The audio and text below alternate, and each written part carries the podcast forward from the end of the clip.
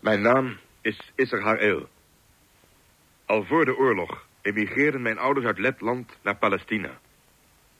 Wij woonden en werkten in een kibbutz vlakbij Tel Aviv op een sinaasappelplantage. En ik werkte daar hard. In 1943 voegde ik mij bij de Haganah, het Joodse ondergrondse leger. Ik was daar werkzaam bij de inlichtingendienst. Direct na het uitroepen van de onafhankelijke staat Israël... werden de verschillende inlichtingendiensten die Israël kende... samengevoegd tot één geheime dienst, de Mossad. In 1949 werd ik door de eerste minister van Israël, David Ben-Gurion... benoemd tot hoofd van de Mossad. Wij schrijven het jaar 1962. De unie tussen Egypte en Syrië is uiteengevallen... De conservatieve koning Faisal van Saoedi-Arabië keert zich tegen de dominerende Nasser van Egypte. De Syrische generaals vinden daarentegen Nasser veel te slap. In Jemen dreigt een burgeroorlog. Maar nochtans hebben de ons omringende Arabische staten één gemeenschappelijk doel voor ogen. De vernietiging van de staat Israël. Daarom mag de Mossad nooit verslappen. Moet zij de bewegingen, de intriges en de onderhandelingen van ons vijandige staten op de voet volgen om verrassingen uit te sluiten en onze vijanden altijd een slag voor te zijn.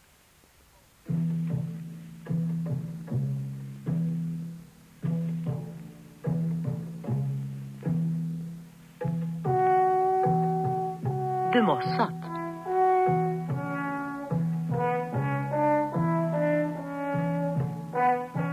Nieuwe hoorspelserie over een spectaculaire actie van de Israëlische geheime dienst.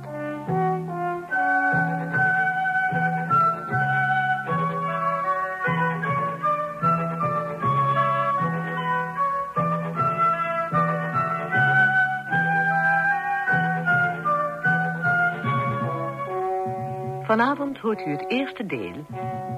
Een dreiging vanuit zee.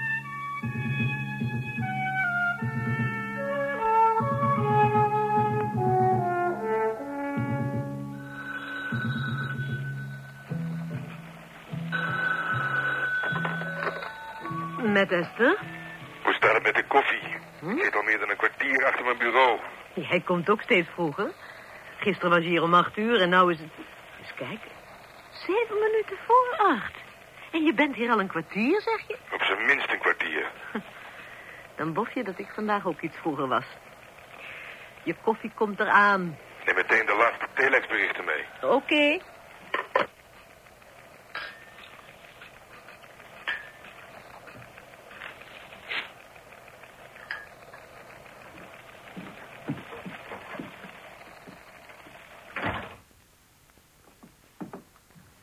Alsjeblieft.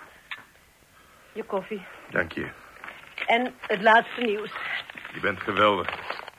Ja, loop nou niet meteen weg. Ik haal mijn eigen koffie ook in.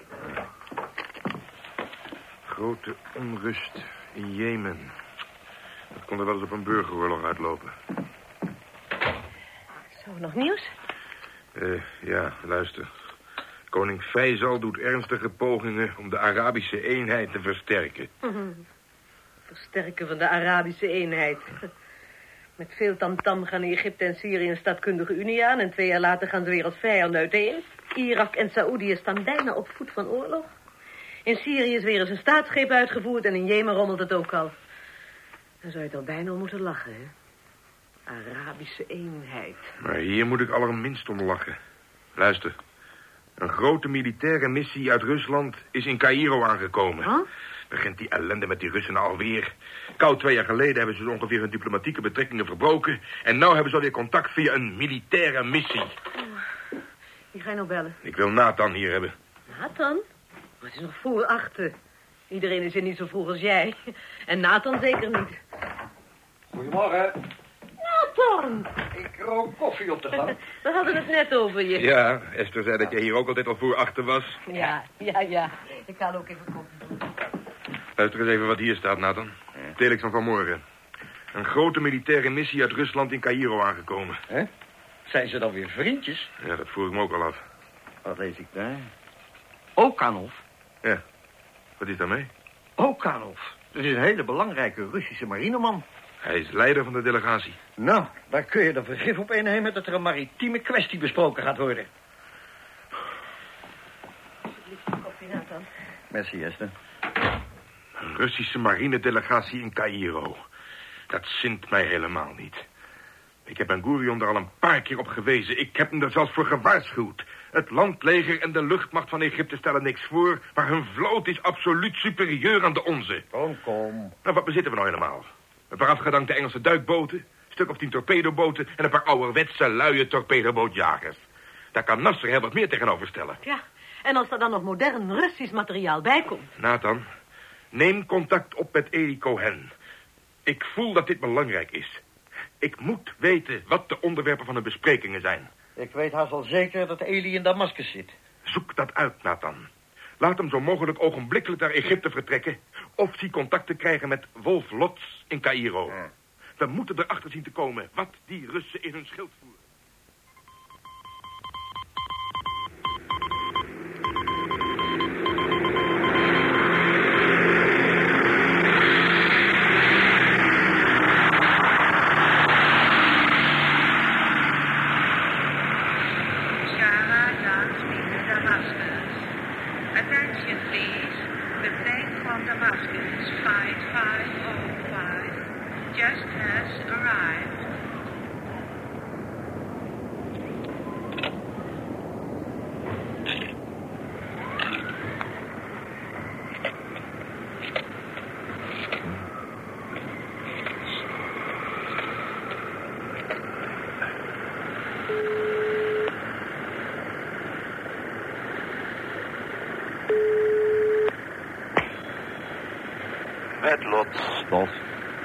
Met Eli. Ik sta op het vliegveld. Moet je dringend spreken. Oké. Waar? Ehm, op de markt naast de grote moskee. Prima. Hoe laat ben je daar? Over een half uur. Ja, dat red ik wel. Tot dadelijk.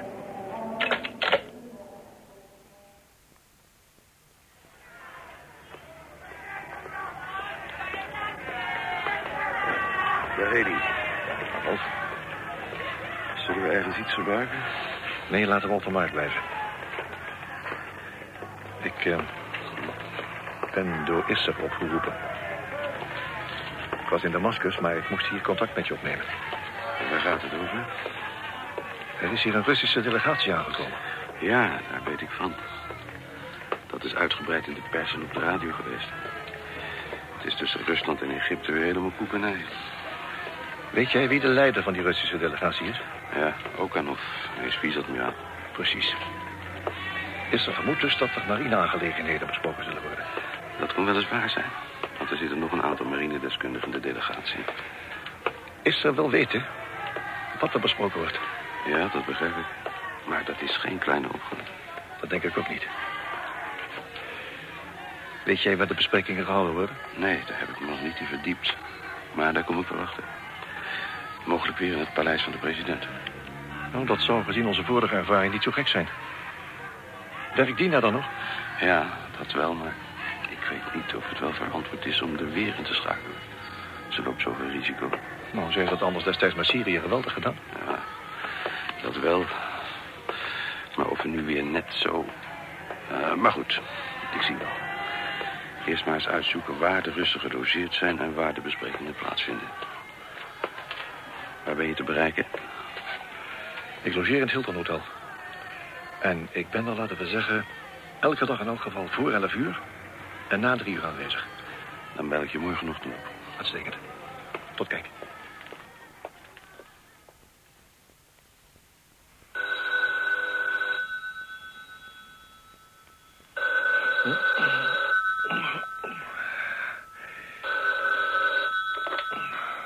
Hallo. Good morning, sir. Good morning. Do you want your breakfast served in your room, sir? Ontbijt op bed. Niet zo gek. Yes, please. Okay, sir.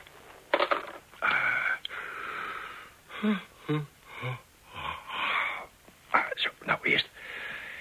Even een bad.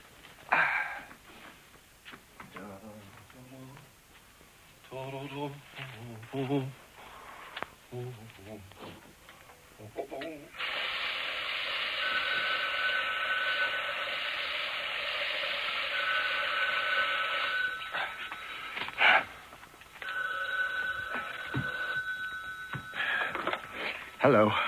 There's a telephone call for you, sir. Please push the button. Thank you.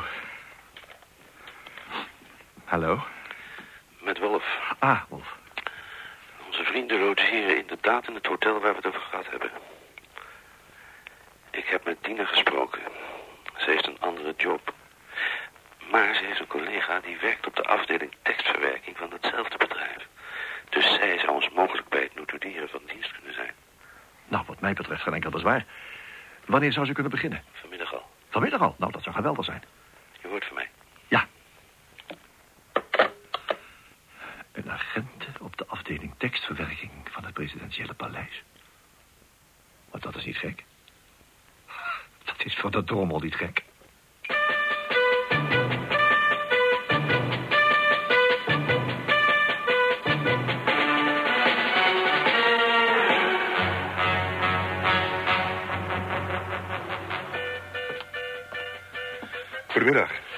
Is Haar Eel.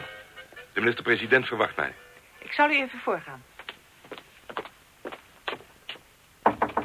Ja? Hier HRL voor u. Ah, is er. Kom binnen. Zo, ga zitten. Dank je. Thuis alles goed? Uitstekend. Mooi zo. Nou, vertel eens, wat heb je voor nieuws? Onze mensen in Egypte hebben uitstekend werk verricht. Ze hebben inzage gehad in de notulen van de Russisch-Egyptische besprekingen. Geweldig. Het komt hierop neer. Nasser gaat zijn vloot uitbreiden met een aantal kanonneerboten van het Russische type Komar 2. Dat zijn uiterst gevaarlijke schepen. Ze zijn razendsnel en ze kunnen bewapend worden met raketten... welke een rijkwijde bezitten van ruim 60 kilometer. Ja. Een groot gevaar dus voor onze kustplaatsen Haifa en Tel Aviv. Om hoeveel schepen gaat het? Over ruim een half jaar heeft Egypte de beschikking over twee wat verouderde oefenschepen... waarop de bemanningen worden opgeleid van maar liefst 12 Komar 2 kanonneerboten. Ze zijn officieel besteld en ze hebben een levertijd van 2,5 à 3 jaar. Wat moeten wij daar tegenover stellen? Ja, ik ben geen marinedeskundige, David. Maar ik ben er wel van overtuigd dat we hier iets bijzonders tegenover moeten stellen. Ik heb het al eerder naar voren gebracht. Bij een eventuele oorlog met Egypte kunnen we op onze luchtmacht rekenen... en ook op onze tankbrigades. Ja. Maar op zee blijven we nergens. De Egyptische zeestrijdkrachten zijn moderner en veel uitgebreider dan de onze. Als daar nog eens twaalf komaars bij komen... dan zou de Egyptische superioriteit op zee overweldigend zijn. Ik kan niet nalaten hier met klem mijn ongerustheid over uit te spreken. Is er, luister goed. Ik onderschat dit gevaar allerminst. Ik zal hierover een uitvoerige nota opstellen voor onze minister van Defensie. En ik zal dit onderwerp alsnog op de agenda laten plaatsen... voor de eerstvolgende vergadering van de ministerraad. Bedankt, David. Ik hou je op de hoogte. Maar ik vraag me toch in gemoede af, wat heeft Jordanië daarmee te maken? Hussein neemt het heel hoog op. Ach, dat is toch allemaal maar propaganda. Maar weet je zeker, Naftali, dat we de loop van de rivier de Jordaan daarmee niet in gevaar brengen? David, lees toch mijn nota. Dat hebben onze waterbouwkundige ingenieurs uitvoerig bestudeerd. Wij kunnen in het noorden het water van de Jordaan gebruiken voor dat bevloeingsproject. Zonder dat er enig nadeel ontstaat voor Syrië of voor Jordanië. Integendeel, de rivier zal een rustiger loop krijgen. En de kans op overstromingen zal daardoor sterk verminderd worden. Die protesten van Jordanië en Syrië worden alleen ingegeven door afgunst. Enig wetenschappelijk bewijs ter ondersteuning van hun protesten laten ze achterwege om de eenvoudige reden dat onze argumenten niet weerlegd kunnen worden. Het is louter een politiek spel om een goed en voor alle betrokkenen aanvaardbaar voorstel in discrediet te brengen. En ik zou dan willen stellen om die protesten zonder meer naast ons neer te leggen. Wij zullen dit voorstel in stemming brengen. Wie is er voor dat de werkzaamheden aan de noordelijke loop van de Jordaan... om te komen tot een bevloeingsproject in de omstreken van Nisha worden voortgezet? Ja. Al dus met algemene stemmen aangenomen. Dan komen we nu tot het laatste punt van de agenda. De leverantie van oorlogsschepen door Rusland aan Egypte. Het woord is wederom aan Naftali. Voorop wil ik stellen dat mijn adviseurs op het departement... de zorg van het hoofd van onze geheime dienst, de heer Harel... ten aanzien van de vlootsterkte van Egypte ten volle delen. Bestudering van de situatie is met spoed ter hand genomen... en onze onderminister van Defensie, Simon Peres... zou indien mogelijk met de minister-president hierover gaan... een onderhoud hebben direct na deze vergadering. Dat is mogelijk. Dan kan ik de geachte leden van deze vergadering verzekeren... dat ik voor de eerstkomende bijeenkomst van de ministerraad... een uitgebreide nota over deze belangrijke kwestie zal hebben uitgebracht. Weet u wat het is, meneer Gurion? De dagen van slagschepen en kuisers zijn voorbij. Hm? Ja, op de onmetelijke oceanen. Daar kunnen ze nog van belang zijn. Maar de Middellandse Zee is een binnenwatertje geworden. Daarin heb je veel meer aan kleine, snelle schepen. Zoals Egypte nu bij Rusland heeft besteld. Wat moeten wij daar dan tegenover stellen? Ook kleine, snelle boten. Alleen sneller en beter bewapend dan de Russische. Kan Amerika ons die leveren? Amerika niet. Daar wordt door de marineleiding nog te veel in het groot gedacht. Wie dan wel? Duitsland. Duitsland. Ja, Duitsland. In de oorlog gebruikten de Duitsers al met veel succes hun snelboten. Nu hebben ze een nieuwe maritieme jager ontwikkeld. De Jaguar. Dat schip is voortreffelijk manoeuvreerbaar. En volledig bemand en uitgerust worden snelheden behaald van ruim 60 km per uur. En wat nog belangrijker is... de Jaguars kunnen bewapend worden met onze Gabriel-raketten. En in deze combinatie zijn ze de Russische Komars verre de baas. Ja, maar mijn beste Simon. Afgezien van het feit dat Duitsland nu niet bepaald het eerste land moet zijn... waar wij onze bestellingen plaatsen...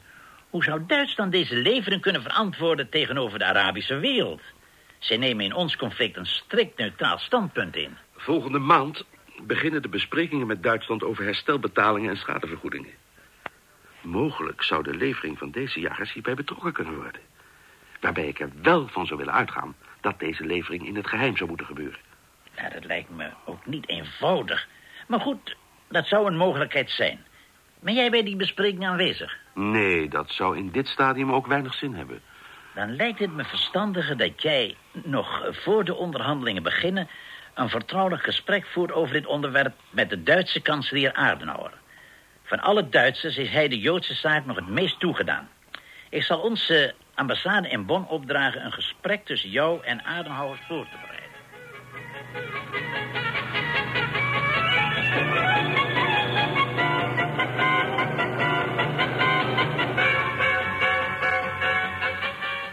Wilt dus dat ik een uitvoervergunning afgeef voor twaalf Jaguar kanonneerboten. Ja, heer kanselier. Dat zou mijn regering bijzonder op prijs stellen. Ja, dat zou dan moeten gebeuren in het kader van de herstelbetalingen. Ja, weet u wat het is, meneer Perez? Zo'n levering zou de Arabische wereld ons niet in dank afnemen. En ik zal u ook zeggen waar het op staat. De Arabische landen vormen voor ons een bijzonder afzetgebied. En wij zouden die markt voor geen goud willen missen. En helemaal als u in beschouwing neemt... onze afhankelijkheid van de Arabische olie. Maar Duitsland levert toch al wapens aan Israël? Ja, maar toch lang niet op zo'n grote schaal. Deze jagers zijn voor ons van het grootste belang, meneer Adenauer. De Egyptenaren krijgen schepen van hetzelfde kaliber van Rusland. We hebben al een grote achterstand op Egypte, wat betreft de marine. De taal van Nasser wordt steeds krijgshaftiger. En ik voorzie echt binnen enkele jaren een grote oorlog tussen Egypte en Israël. Dan zou een onbewaakte kuststrook van honderden kilometers voor ons wel eens funest kunnen zijn. Maar waarom dan juist die Jaguars, meneer Perez? Het antwoord daarop is heel eenvoudig, heer kanselier. De Jaguar is het enige, maar dan ook het enige schip... dat zich kan meten met de Russische Komars. Ja, ik zou het in de ministerraad kunnen verdedigen... als een kleine tegemoetkoming van de overweldigende schuld van Duitsland... tegenover het Joodse volk. Maar ik zou u dan toch wel willen voorstellen... om alles omtrent deze oorlog strikt geheim te houden. Daar kunt u wat ons betreft verzekerd van zijn. Want wij hebben bij geheimhouding ook alle baat. Al was het alleen maar dat er in Israël stemmen van protest zullen klinken... als men hoort van zo'n miljoenen opdracht... ausgerechnet aan Duitsland. Ja, ja, dat laat zich denken, ja, ja, ja. Nu u dat zegt, begrijp ik pas goed... hoe belangrijk deze schepen voor Israël moeten zijn. Ik zal dit met mijn ministers bespreken... En vooral het punt van geheimhouding moet zorgvuldig bekeken worden.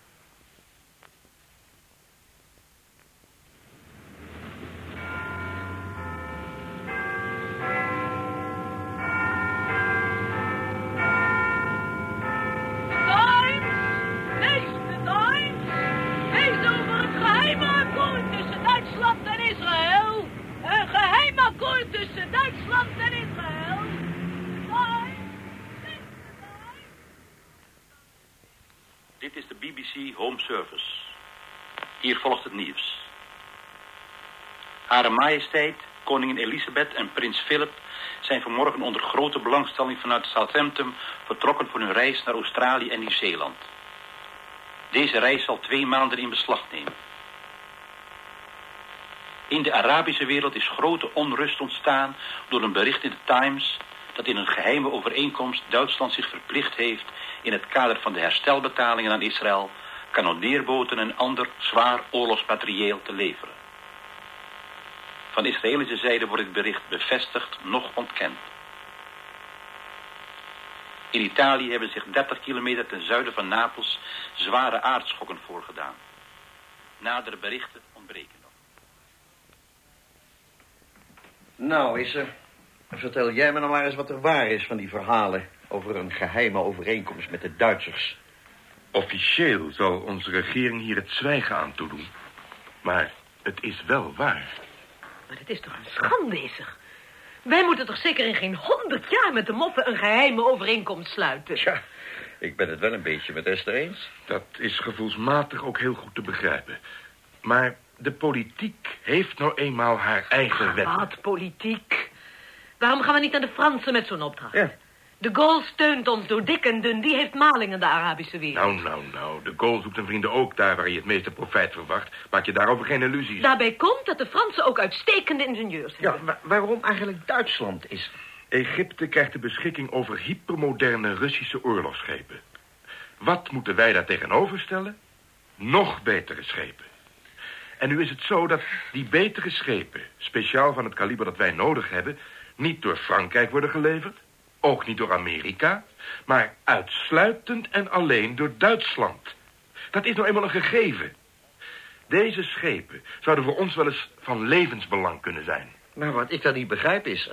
als je een geheime overeenkomst sluit... zorg er nou voor dat dat geheim blijft. Wat zou er van onze dienst terechtkomen... als al onze geheimen meteen aan de grote klok werden gehangen? Tja, maar daar moet je natuurlijk voor in Duitsland zijn. Onder de ambtenaren daar bevinden zich massa's oud-naties... die een samenwerking tussen Duitsland en Israël met ledenogen aanzien. En dan zijn er kanalen genoeg om zo'n geheim terloops de wereld in te brengen. Maar hoe het ook zij, de Duitsers zijn gezwicht onder de Arabische druk... dus wij krijgen die boten niet. Wat nu? Ja, wat nu? Ja, wat nu? Een goede vraag. Maar toch geloof ik dat ik door die opmerking van Esther zo even... onze president een goede hint kan geven.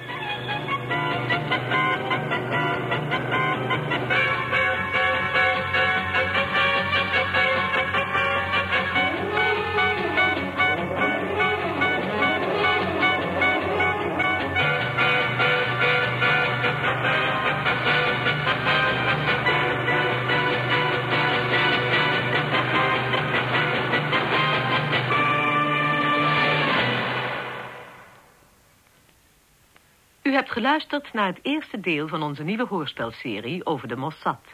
Een dreiging vanuit zee. U hoorde hierin de stemmen van Hans Hoekman, Corrie van der Linden, Beb Westerduin, Floor Koen, Kees van Ooyen, Jan Borkes, Frans Vaassen en Bert Dijkstra. Technische realisatie Teun Lammes en Henk van der Steeg. De regie was in handen van Friso Cox.